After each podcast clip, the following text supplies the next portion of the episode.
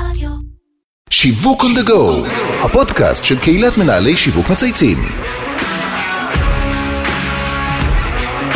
שלום לכולם וברוכים הבאים לפרק חדש של שיווק on the go, הפודקאסט של קהילת מנהלי שיווק מצייצים. שמי אבי זיתן ואני בעלים של חברה לייעוד שיווקי אסטרטגי וחברת ההשמה מאץ'. אנחנו, אנשי השיווק והפרסום, רואים את עצמנו כחדשניים ומאמצים מוקדמים, ועל כך יעידו ההתנסויות הרבות של כולנו בכלי ה-AI החדשים והמגניבים, שכבר עוזרים לנו ומקלים על העומס היומיומי. אבל כשמדובר על כלי שיווק מתקדמים, ואולי אפילו יותר מורכבים, אנחנו מוצאים את עצמנו לפעמים נמנעים מלהשתמש בהם, או במקרה הטוב, דוחים את ההיכרות איתם עד שיהיה לנו קצת זמן. דחיינות. אחד הכלים האלו הוא מערכות שיווק אוטומטי. שלאחרונה שמענו עליהם רבות, אבל עוד לא התפנינו תמיד להכניס אותם לשימוש בארגון שלנו. אז מזל, מזל שיש לנו פודקאסט שלנו, ככה נוכל להבין מה החשיבות של הכלים האלו, איך הם יכולים להקל עלינו על החיים. ובדיוק לשם כך הזמנתי את נאור מן, מנכ"ל חברת אקטיב טרייל. אהלן נאור, מה העניינים? אהלן, אבי, מה קורה? בסדר גמור, איזה כיף שאתה כאן. האמת היא תחום מרתק. אני שמח. אתה יודע שמה המצב הזה שבו אנשי שיווק לא עושים שימוש בכלים השיווקים, אנחנו נדבר על זה. אה, את התקופה שבה נהגנו ברכב עם הילוכים, אתה גם זוכר, נכון? ואז אמרו לנו שאוטומט, ולקח לנו הרבה זמן עד שהסכמנו לעבור, כי אמרנו שזה כיף, וזה יותר מהיר, וזה יותר אה, גברי ואקשן. אבל בתכל'ס שאנחנו מתרגלים לדבר החדש, אנחנו זונחים מיד את הקודם. אז לפני שנצלול רגע לתוך תיבת האינבוקס, ונבין כמה נוח וחכם להשתמש בכלים אוטומטיים, אנחנו מתחילים כל פודקאסט בהיכרות עם המרואיין, לספר על עצמך, חיים אישיים, מסלול קריירה, מה שבא לך. אז אה, טוב, אני אה, מגדיר את עצמי קודם כל כאבא, אבא לשני יפה, בנים. הגדרה טובה. כן, אבא לשני קודם כל בנים. אבא. אה, אחד לומד בטכניון, השני השתחרר עכשיו מהצבא. בני כמה? ילדים גדולים, גדולים. וואו, אתה רק נראה צעיר, אתה אומר. גדולים. ובזוגיות פרק ב' עם אופיר שאתה מכיר. נכון. וסך הכל מאושר. איזה אה, יופי. ברמה המקצועית, אה, אני נכנסתי לאינטרנט אה, מאוד מוקדם, יחד עם השותף שלי. ממש כשהאינטרנט היה בחוט- בחיתולים שלו, אה, והקמנו פרויקטים כמו עיתון גלובס, ynet, כלכליסט, והמון וואו. פרויקטים שהם מאוד גדולים ומוכרים. אז בגדול אפשר להגיד שאני יזם. אה, הקמנו ומכרנו שש חברות, בעצם... לגמרי יזם. הק- הק- הקמנו שש חברות, מכרנו את רובן, אה, והיום אני המנכ"ל והבעלים של אקטיב טרייל, שהיא פלטפורמה ל marketing automation, חברה גלובלית עם משרדים... שעובדת בהרבה מדינות, נכון, גם באירופה? כן, נכון, כן. נכון. מי שלא מכיר, תן לנו עוד איזה שתיים, שלושה, שניים, שלושה אנקדוטות עליך מעניינות. אה, בגדול, אה, אני יודע, דברים שאנשים לא יודעים, אז אני גדלתי בברזיל, יפה, זה אחלה, מעניין. כן, עד גיל 17. די, כן. אתה לא צריך את הדרום אמריקה בגיל אה, זה, אה? עד גיל 17 חייתי בברזיל, אז אני, בגלל שלמדתי בבתי ספר אמריקאים וההורים שלי ארגנטינאים, אז יוצא שאני דובר ארבע שפות ברמת שפת אם, אז זה משהו שלא. הרבה, לא ראינו הרבה פה יודעים. בכניסה לפודקאסט שאתה יודע לתופף. אני, מתופף לא טוב, אבל מתופף, אני מנגן עם הרכב שלי ומופיעים מדי פעם וזה, ובגלל שאנחנו לא טובים, אז הקהל שלנו זה אנשים שאני מכריח להגיע, אז כל מיני חברים ברור, אין להם ברירה. שמוכרחים לבוא. כן, יפה. אה, ועוד משהו שאני יכול לספר זה שאני חבר בארגון שקוראים לו YPO. כן, מכיר, אחלה של מנכ"לים צעירים, נכון? נכון, ה-Young Presidents Organization, שמאגד אה, בערך 30 אלף מנכ"לים מכל העולם, ארגון מאוד רציני ומשמעותי. אני די פעיל בארגון הזה. כן, יפה. אתה ממליץ להצטרף למי ששומע אותנו, מנכ"לים צעירים. מי שיכול ועומד בקריטריונים, בהחלט. יפה. אז נאור, בוא נצא מתוך, מתוך נקודת הנחה שלא כל מי שמאזין לנו מבין עד הסוף מה עושה מערכת marketing automation. אז תסביר לנו קצת על הצורך הבסיסי והפתרונות שהמערכות האלה יודעות לתת. אז בגדול, אה, בואו נתחיל רגע מהסוף. marketing automation זו מערכת שהיא היום must, זה לא, זה כבר לא... זה לא nice to have. זה ממש לא nice to have. אה, ובואו נבין רגע מה זה marketing automation. אם נסתכל שנייה על אה, מחלקת שיווק קלאסית ב- בארגון, אז מחלקת שיווק עושה אס.אם.אסים, אה, עושה ניוזלטרים, עושה וואטסאפים ופושים וטפסי הרשמה וסקרים וסגמנטציה, ועושים המון המון דברים באופן ידני, עובדים נורא קשה. מערכת marketing automation לוקחת את כל הפעולות האלה ומכניסה אותן למצב שהיא יודעת לעשות את זה באוטומט, נקרא לזה. בסדר? ובעצם היא, בעזרת כל, ה, כל הדברים האלה שאנחנו, שאנחנו מדברים עליהם, יוצרת אה, מסע לקוח. ו- תוצרים, מסעות לקוח, ובעצם עוטפת את הלקוח בדיוק. בכל הטאצ' בכל יודעת. מתי לשלוח את האימייל, מתי להוציא אס.אם.אס, מתי אה, להביא אותך לטופס, מתי להקפיץ לך תוכן מסוים, להכניס אותך לסגמנטציה, לעשות פרסונליזציה וכן הלאה. וכל הדברים האלה בסופו של דבר משתמשים בדאטה. אז היא יודעת מצד אחד לעשות אוטומציה לכל, ה, לכל הכלים ש, שמחלקת השיווק עושה ידנית, מצד אחד, מצד שני לקחת את הדאטה ולחבר בין שני הדברים האלה. יפה. אז אם אני למשל, לצורך העניין חנות, אז, אה, אז אה, אני יכול לעשות אוטומציה נניח לתהליך של עגלה נטושה. מישהו נכון. נוטש משהו בעגלה, אני אשלח לו אימייל, או תזכורת... דברים שלא קניתי, אז אתה חוזר. מה שנקרא, לעשות לי reminder. נכון, אם אני חברת תיירות, אז אני יכול לייצר אה, funnel שלם אה, עד הטיסה ואחרי הטיסה. כן, בדיוק, כל המסלול. אה, אם אני חברה של מוצר דיגיטלי, אז אני אייצר משפך כזה של מהקליק על מודעה ועד שאני. במצב conversion ועד onboarding וכן הלאה. אז תגיד, מנהלי שיווק עדיין לא מנצלים את הכלים האלה כמו שצריך, נכון? בשורה התחתונה, אני רואה את זה גם בתור יועץ מה- מהעולם שלי. מה, מה לדעתך מונע מהם לעשות את זה? כאילו, למה בפועל?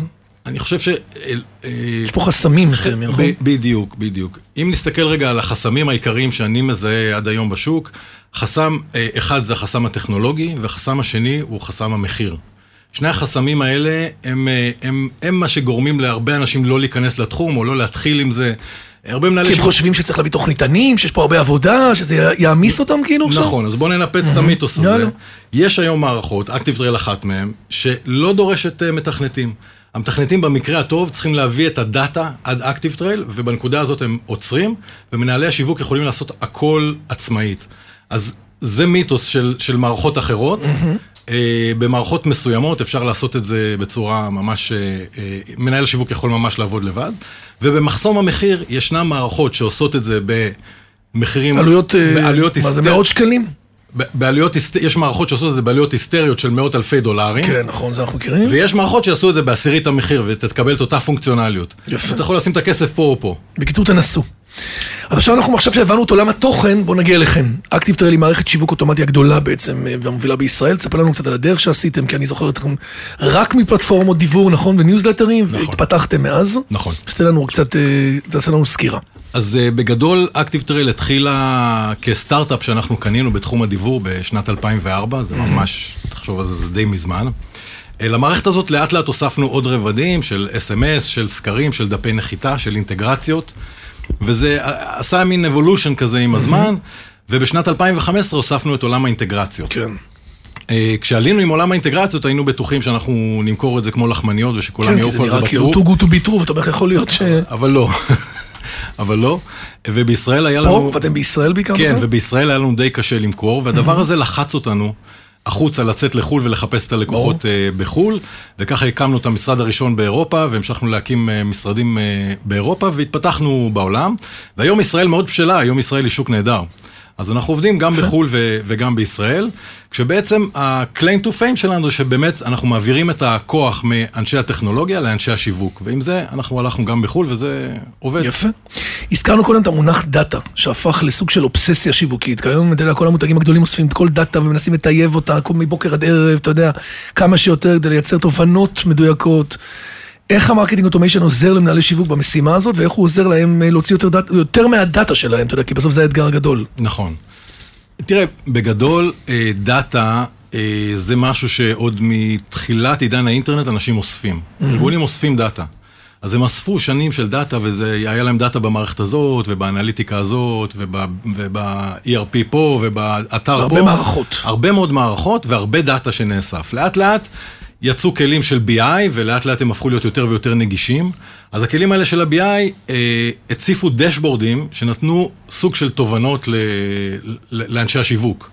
אה, ואז אנשי השיווק מצאו את עצמם מבינים מה, מה הדאטה שלהם פחות נכון. או יותר אומרת, אבל זהו, הם לא יודעים איך ליישם משהו עם מה- הדאטה הזה. נכון, מה עושים עם זה? ואז לזירה נכנסו מערכות ה marketing automation, שבעצם אומרות, אנחנו הופכים דאטה ל- actionable data. אנחנו לוקחים אה, אה, את הדאטה שיש כבר בתוך הארגון במערכות שונות, מביאים את הכל ביחד לתוך ה marketing automation, הם מוצאים איזה סוג של BI, סוג של שכל, תובנות. אבל הופכות את זה לפעולות. אה, אוקיי, לתכלס. בדיוק, אני מבין מה קורה עם כל לקוח באופן אינדיבידואלי, ואני יודע איך לפעול עליו על פי הדאטה שאני מקבל.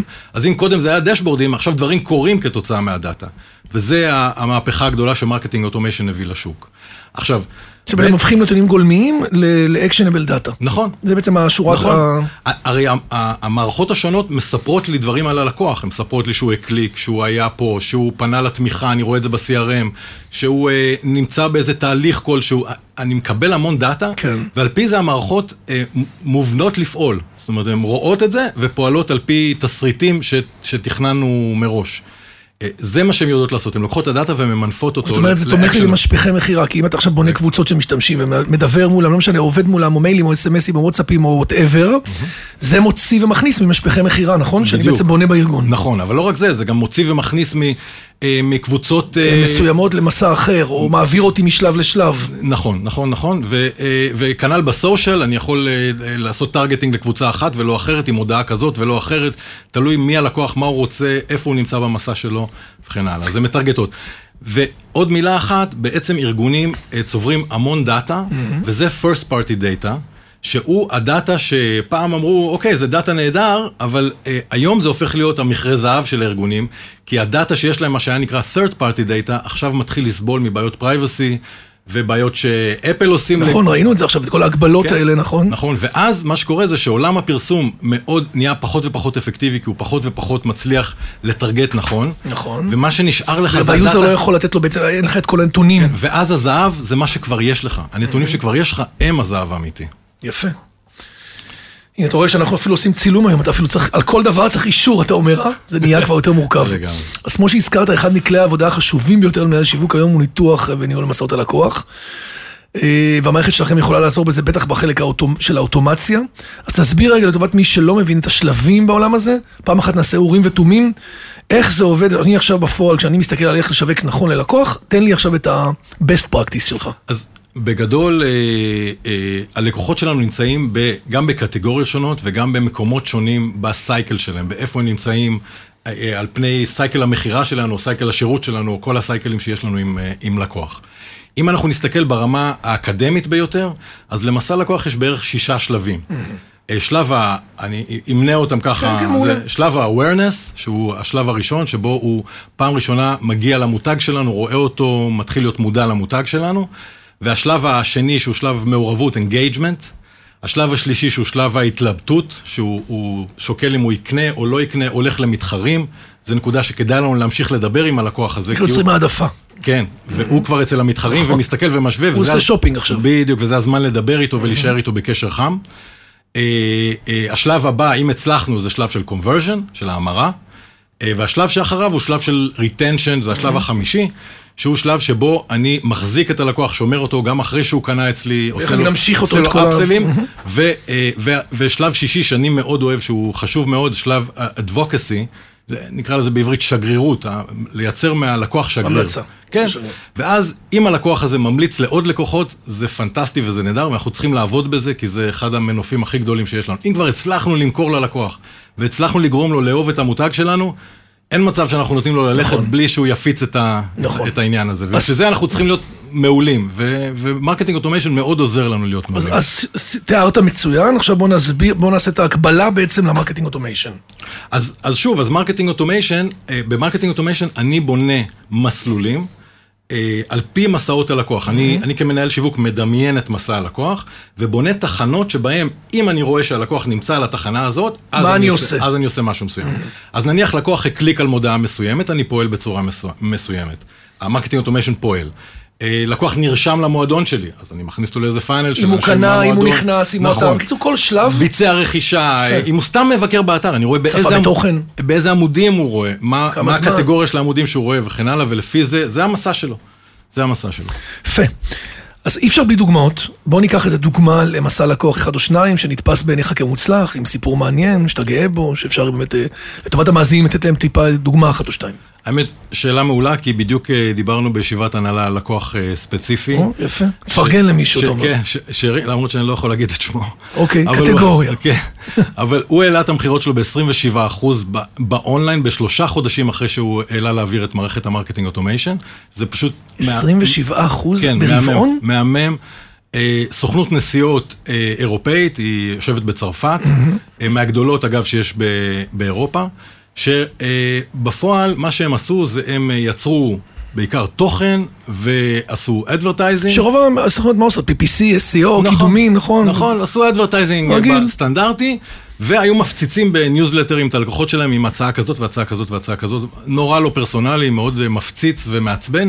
הם גם ראו ירידה ברשימות שלהם, לאט לאט אנשים עשו unsubscribe. קיצור, הם לא היו במצב טוב, הם רצו לשפר את זה, ו marketing automation זה היה ה-next step אה, עבורם.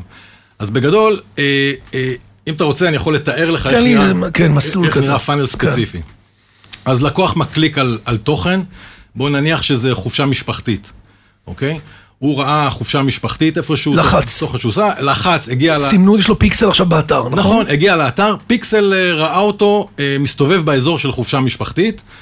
ברגע שהוא גם הקליק על המודעה, גם המשיך להסתובב בחופשה משפחתית, הליד סקור שלו עלה, זאת אומרת, אנחנו עכשיו יודעים שהוא ליד חם, הוא, הוא likely to buy מה שנקרא, אה, ואז אנחנו ננסה, אנחנו, הוא עדיין אנונימי לנו, ואנחנו צריכים עכשיו לנסות לקבל ממנו את האימייל, אז אנחנו ננסה להקפיץ לו בתוך השיטוט שלו באתר תוכן שגורם לו להירשם למועדון אה, לקוחות אקסקלוסיבי, אה, שנותן מבצעים של הרגע האחרון, טיסות מוזלות, יעדים אקזוטיים, גורמים לו לרצות להירשם.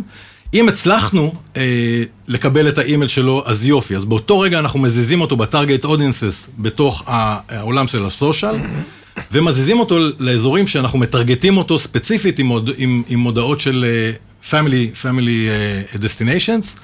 Uh, אחרי יום אנחנו שולחים לו אימייל עם הצעה אה, או סדרה של הצעות שהכל זה, זה חופשות משפחתיות, אז הוא, uh, הוא חם ויש לגמרי. סיכוי גבוה שהוא יקנה.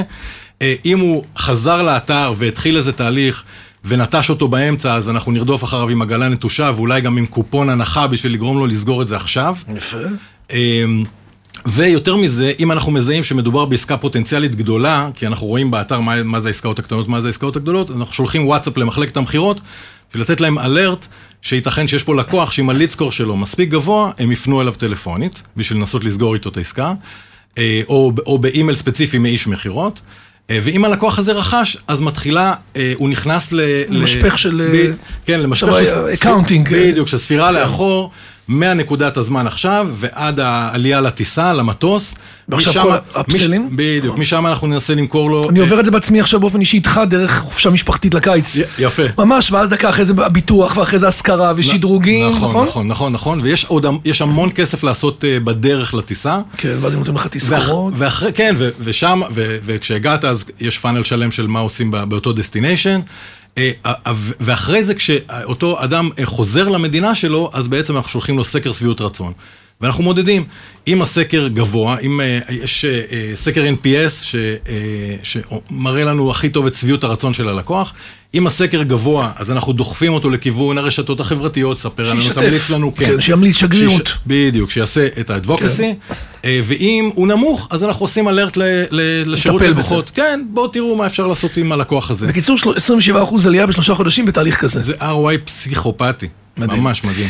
סיפרת לנו קודם על ההיסטוריה של החברה, בוא נדבר רגע על העתיד. אנחנו חיים עכשיו בעולם של AI, אתה יוצא פה בחוץ, כבר יש מקצועות חדשים של AI, כל השיווק עובר AI, קמפיינים על AI. אנחנו מבינים שכל התהליך השתנה אפילו כמנהלי שיווק, כבר לא צריך לה- לה- להכיר חומר, אנחנו צריכים לשאול שאלות מדויקות ולהביא את התובנות. אי אפשר לא להתייחס לזה. איך ניתן לעשות בו שימוש כדי לסייע למנהלי שיווק לנצל את המערכות שלכם טוב יותר? אז, אז תראה, אה, אנחנו עבדנו אה, הרבה זמן עם העולמות של Machine Learning ושל פרדיקציה, והיכולות אה, לדעת מי likely to buy ולעשות אה, פרסונליזציה ומיקרו פרסונליזציה, שזה היה עולם של ה-Machine Learning. ועולם של ה-AI אה, נכנס עכשיו בסערה גדולה, אבל יותר מזה, העולם של ה-Generative AI. ה-AI שבעצם מסוגל לייצר עבורנו אה, דברים.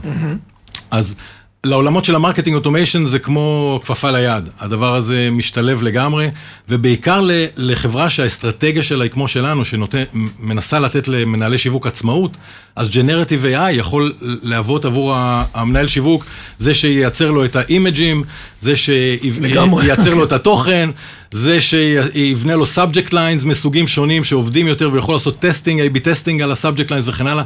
אז generative AI זה נכנס פשוט בצורה נהדרת למערכות. זה גם מחליף חלק. מהספקים של פרסום. ו- ו- אני חושב שבעיקר עבור עסקים קטנים. כן. זאת אומרת, עבור עסקים קטנים זה קסם, כי זה נותן לעסק קטן יחסית בקלות להפעיל בתוך מערכת marketing automation, שתיתן לו לעשות את זה בצורה friendly מאוד, אה, לעשות דברים שהוא לא צריך עוד אנשי מקצוע שיעזרו לו. טוב, לפני שאנחנו נעבור לשאלות הקבועות, יש תמיד שאלה שעולה פה, פה ושם בקרב מאזינים, אנשי שיווק, לגבי המחיר. כולנו בסוף אנשי שיווק, מוגב, מוגדל, מוג, מוגבלי ומוגדרי תקציב. איך מערכת marketing automation עוזרת לי לשמור על המערך הארגוני, ובסוף גם היא עולה, זה סכומים גדולים, תן לנו רגע סדרי גודל בשביל להבין רק אזורי חיוג. אז אה, האזורי חיוג הם בפערים אדירים, זה יכול להיות אזורי חיוג של מאות אלפי דולרים אה, בשנה, וזה יכול להיות אה, מאות שקלים בשנה. הפער הוא פשוט היסטרי לגמרי. וזה לא בהכרח מעיד על היכולות או הפיצ'רים. כן, לא, המחיר פה לא... כן. אז, אז גם בישראל וגם בעולם פועלות הרבה מאוד חברות אה, גלובליות בינלאומיות, הן גובות מחיר מאוד, גב, מאוד גבוה עבור מערכות מאוד אה, משוכללות ומתוחכמות, שהלקוחות לרוב לא עושים שימוש ב-90% מהיכולות האלה, mm-hmm. אלא רק בערך ב-10%, אני אומר לך את זה מהשטח. זה המצב. ומתכננות פרויקטים נורא נורא גדולים, שמעורבים בהם המון אנשים טכניים, מתכנתים, זה, אלה כלים סופר סופר טכניים.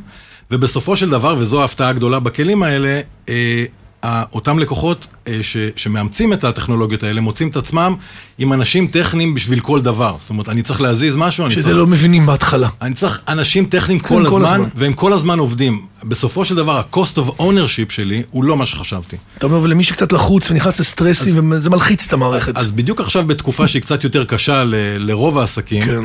אנחנו רואים איזו נדידה דווקא לאקטיב טרייל מאותן חברות גלובליות, כי הפערים במחיר הם יכולים להיות עשירית. אה, והלקוחות מקבלים את אותה פונקציונליות, ופשוט זה זה לא להאמין, זה, זה, זה מטורף. יפה. אה, אוקיי, אז עכשיו אנחנו נעבור בעצם לשאלות הקבועות. אה, דיברנו הרבה על הצלחות, אנחנו נדבר גם על דברים הלקחים, דברים שפחות הצליחו, תובנות שיש לך. תן לי איזה דוגמה אחת או שתיים, או משהו לטובת המעניין, טיפ, כאילו, מה, אתה יודעת, מהקריירה העסקית שלך. עשית הרבה מכירות, קניות, פיתוחים, יזמות. הת- התעסקתי הרבה בפרויקטים, מהקריירה העסקית אני לא יודע, התעסקתי הרבה מאוד בפרויקטים, ועשיתי הרבה מאוד אה, פרויקטים אה, אה, גדולים וקטנים, וזה נכון גם לעולם של marketing automation. אם יש לי טיפ לתת, זה תתחילו קטן. אל תלכו בגדול, אל תבנו פרויקטים גדולים. אני באמת בחיי תכננתי המון פרויקטים גדולים שנכשלו. זו לא בהכרח הדרך. אה, קשה מאוד לכמת את, את, אה, את מחיר הפרויקט כשעושים אותו נורא נורא גדול, והרבה פעמים הוא כל כך מפתיע שהוא נכשל בסופו של דבר, כי מישהו. סוגר את הברז באמצע. לגמרי. כן. כן, זה במיוחד בתקופות כאלה. לכן, וב marketing automation עוד יותר, תתחילו קטן ותגדילו ותגדילו ותגדילו. תהיו אה, מפוקסים ואחרי זה יותר ויותר מתוחכמים, ולא הפוך. אחלה טיפ. שאלה הקבועה השנייה שלנו זה כל אורח בוחר איזה מותג מייצג אותו באופן הטוב ביותר, מה המותג שלך? אז אה, אני חושב שהמותג שלי, ובחיי שעברתי אותו בקניון ואמרתי, אני חוזר עכשיו, מקדונלדס. חולה עליו? משהו. אז קודם כל, אני פשוט חולה ג'אנק פוד, שזה איזה שריטה שלי. אני אתה לא נראה כזה, אבל אתה לא, אומר- אבל תקשיב, אתה אומר זה זה הורג אותי. התמכרויות קטנות. זה, זה הורג אותי. אז אני כן. חולה ג'אנק פוד ואני נורא אוהב את המותג הזה, כי ברגע שאני רואה את ה M של מקדונלדס באיפשהו, אני מתחיל להיות רעב. יש את הפרסומת עכשיו שסוגרים לך את הפה, אתה יודע שזה יותר אכזרי. כן.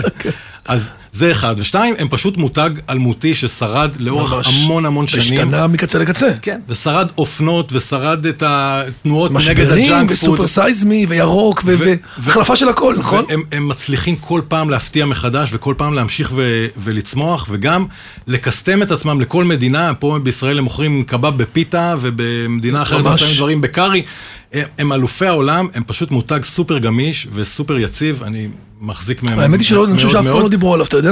הבאת פה משהו חדש. ואני אגיד לך עוד קשה משהו, לחדש. הם, הם מותג כל כך גדול וחזק, שהביג מק שלהם, ה- אה, מנת הדגל של, של מקדונלדס, הפך להיות מדד כלכלי. נכון, ל-OECD. בצורה הזאת אתה להגדיר. יכול להבין אה, מה יוקר המחיה בכל ממש. מדינה לפי מחיר הביג מק שלהם. זה עד ממש. כדי כך זה מותג. גם חברת צעצועים הכי גדולה, למרות ששם הפסיקו את זה בגלל הפלסטיקים, ובחברה, תחשוב, זה פשוט מדהים. מונסטר. אין, אין דברים כאלה. יפה, אחלה דוגמה. והשאלה האחרונה, שאם יש מישהו, מנכ"ל, או מישהו שותף עסקי, או דמות שאתה מכיר, שאפשר לראיין אותה, שהיא מעניינת, שאפשר לפרגן. אני, אני חושב שגם חבר טוב, אבל אה, אני חשבתי על אה, שי פלדמן. אה, מסמלת. שהוא, כן, שהוא כן. מנכ"ל חברת סמלת.